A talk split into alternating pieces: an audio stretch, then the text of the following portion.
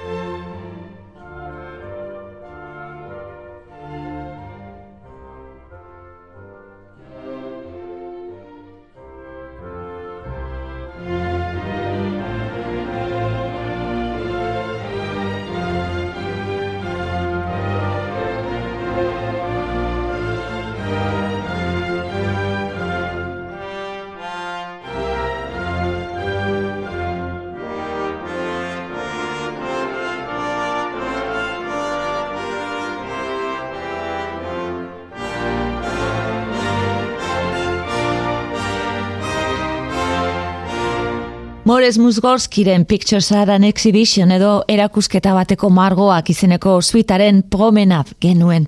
Amar kuadro edo estenek osatzen dute kompositore rusiararen lana eta margolan horietako bakoitzaren aurkezpen modura transizio edo promenad izeneko komposizio hauek tartekatzen ditu. Berez, pianorako idatzi zituen, baina mogiz gabelek orkestrarako moldatu zituen eta bersio hori da Marinski orkestraren eskutik entzun duguna. Klasikoak EITB-en. Madalena Kristoren oinetan irudikatu behar dugu orain. Antonio Caldara, kompositore barrokoaren aria honek lagunduko digu horretan. Madalena ai piedi di Cristo, oratoriotik, diletti non più vanto.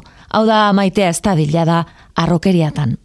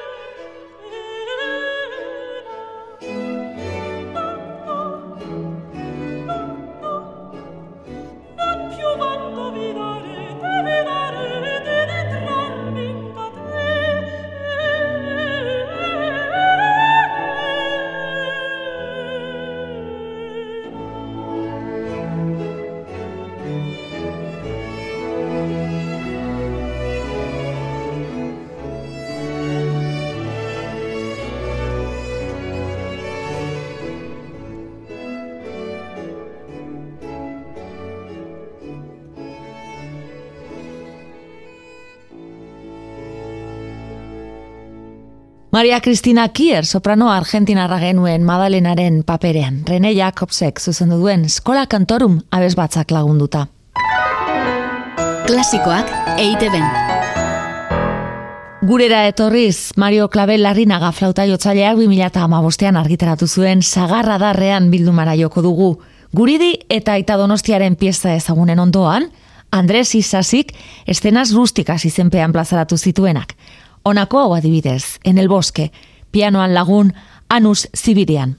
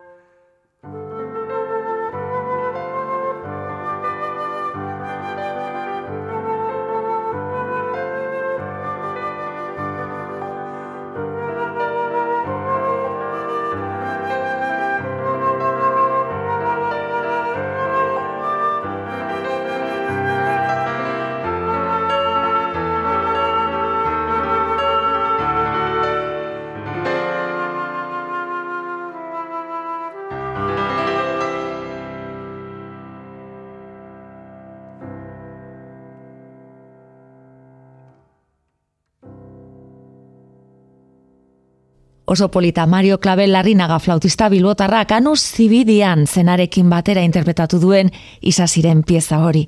Zibidian Bilboko koralaren pianista izan zen, hogeita bosturtez, eta 2000 eta emezortzian hiltzen ez ustean berrogeita amasei urterekin. Klabel larrinaga flautista berriz, irakasle ere badabil, getxoko Andres Izazi musika eskola nahi zuzen. Klasikoak EITB-en. Baj entzungo dugu jarraian, Lehenengo suite orkestrala do maiorreanetik minuetoa Bach Collegium Japanek interpretatua. Masaki Suzuki zuzendari.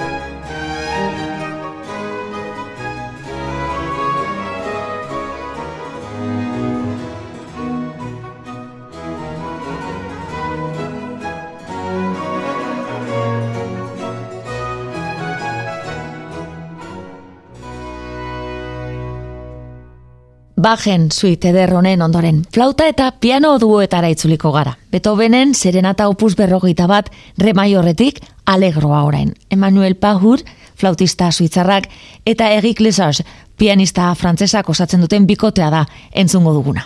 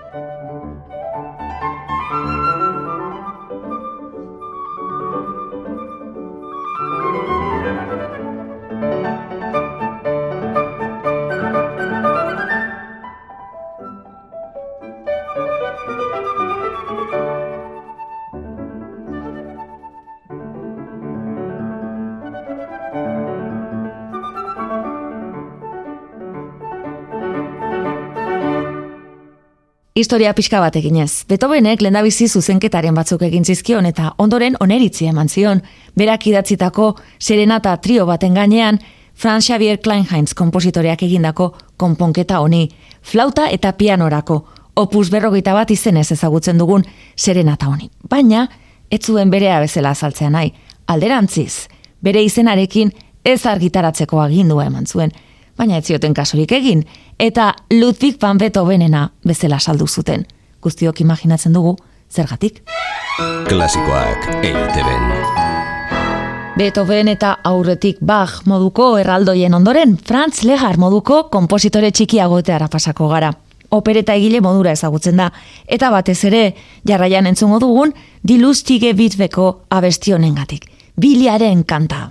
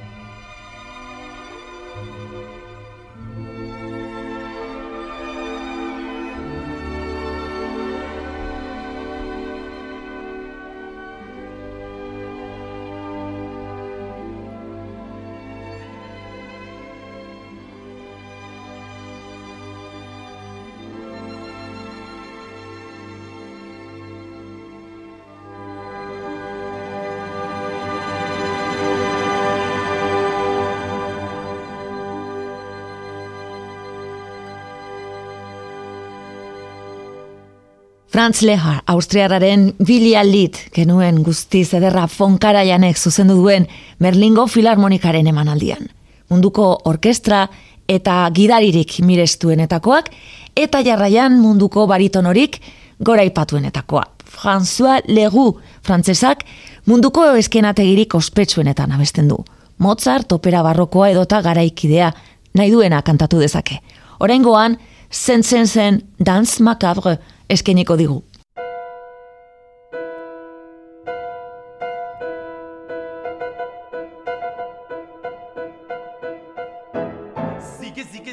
La mort en cadence, frappant une tombe avec son talon. La mort à minuit joue un air de danse, zig, zig, zag, sur son violon.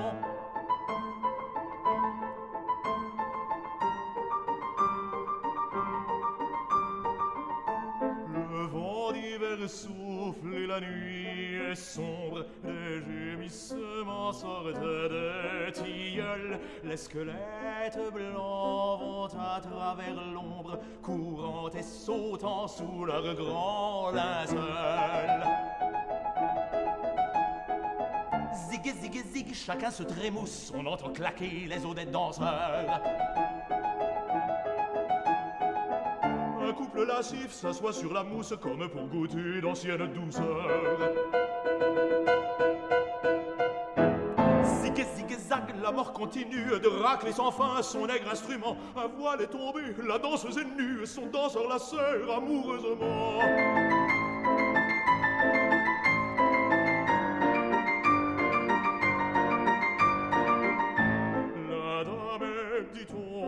Marquise ou baronne, une vergade en un pauvre charron.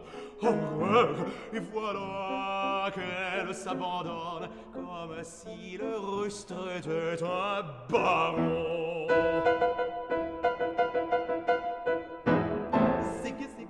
Quelle sarabande, quel cercle de mort se donnant la main. Zig, zig, zag, on voit dans la bande le roi Gambadé auprès du vilain.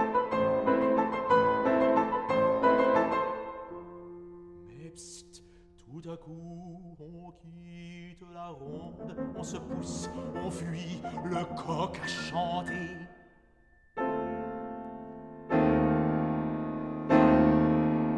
Oh, la belle nuit pour le pauvre monde.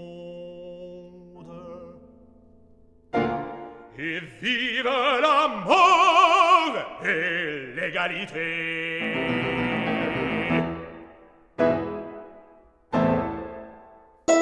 Klasikoak EITB-en.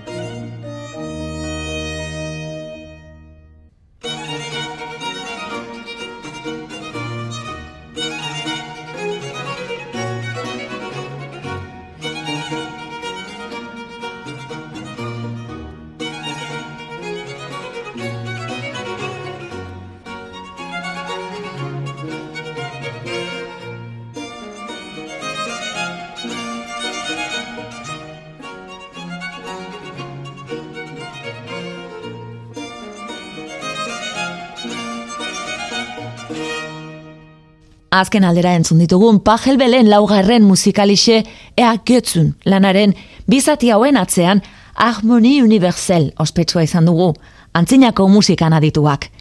Orkestra bakarra dugu hau mundu guztiko musikariek parte hartzen dute eta Alemaniatik, Argentinara, Italiatik, Japon eta Australiaraino lau kontinentetako solistak biltzen ditu. Klasikoak EITB. Eta orain berriz ere, bach, musika klasikoaren gailurretako bat. Johann Sebastianen Magnifikataren sarrera, izen bereko koru ospetsu honekin.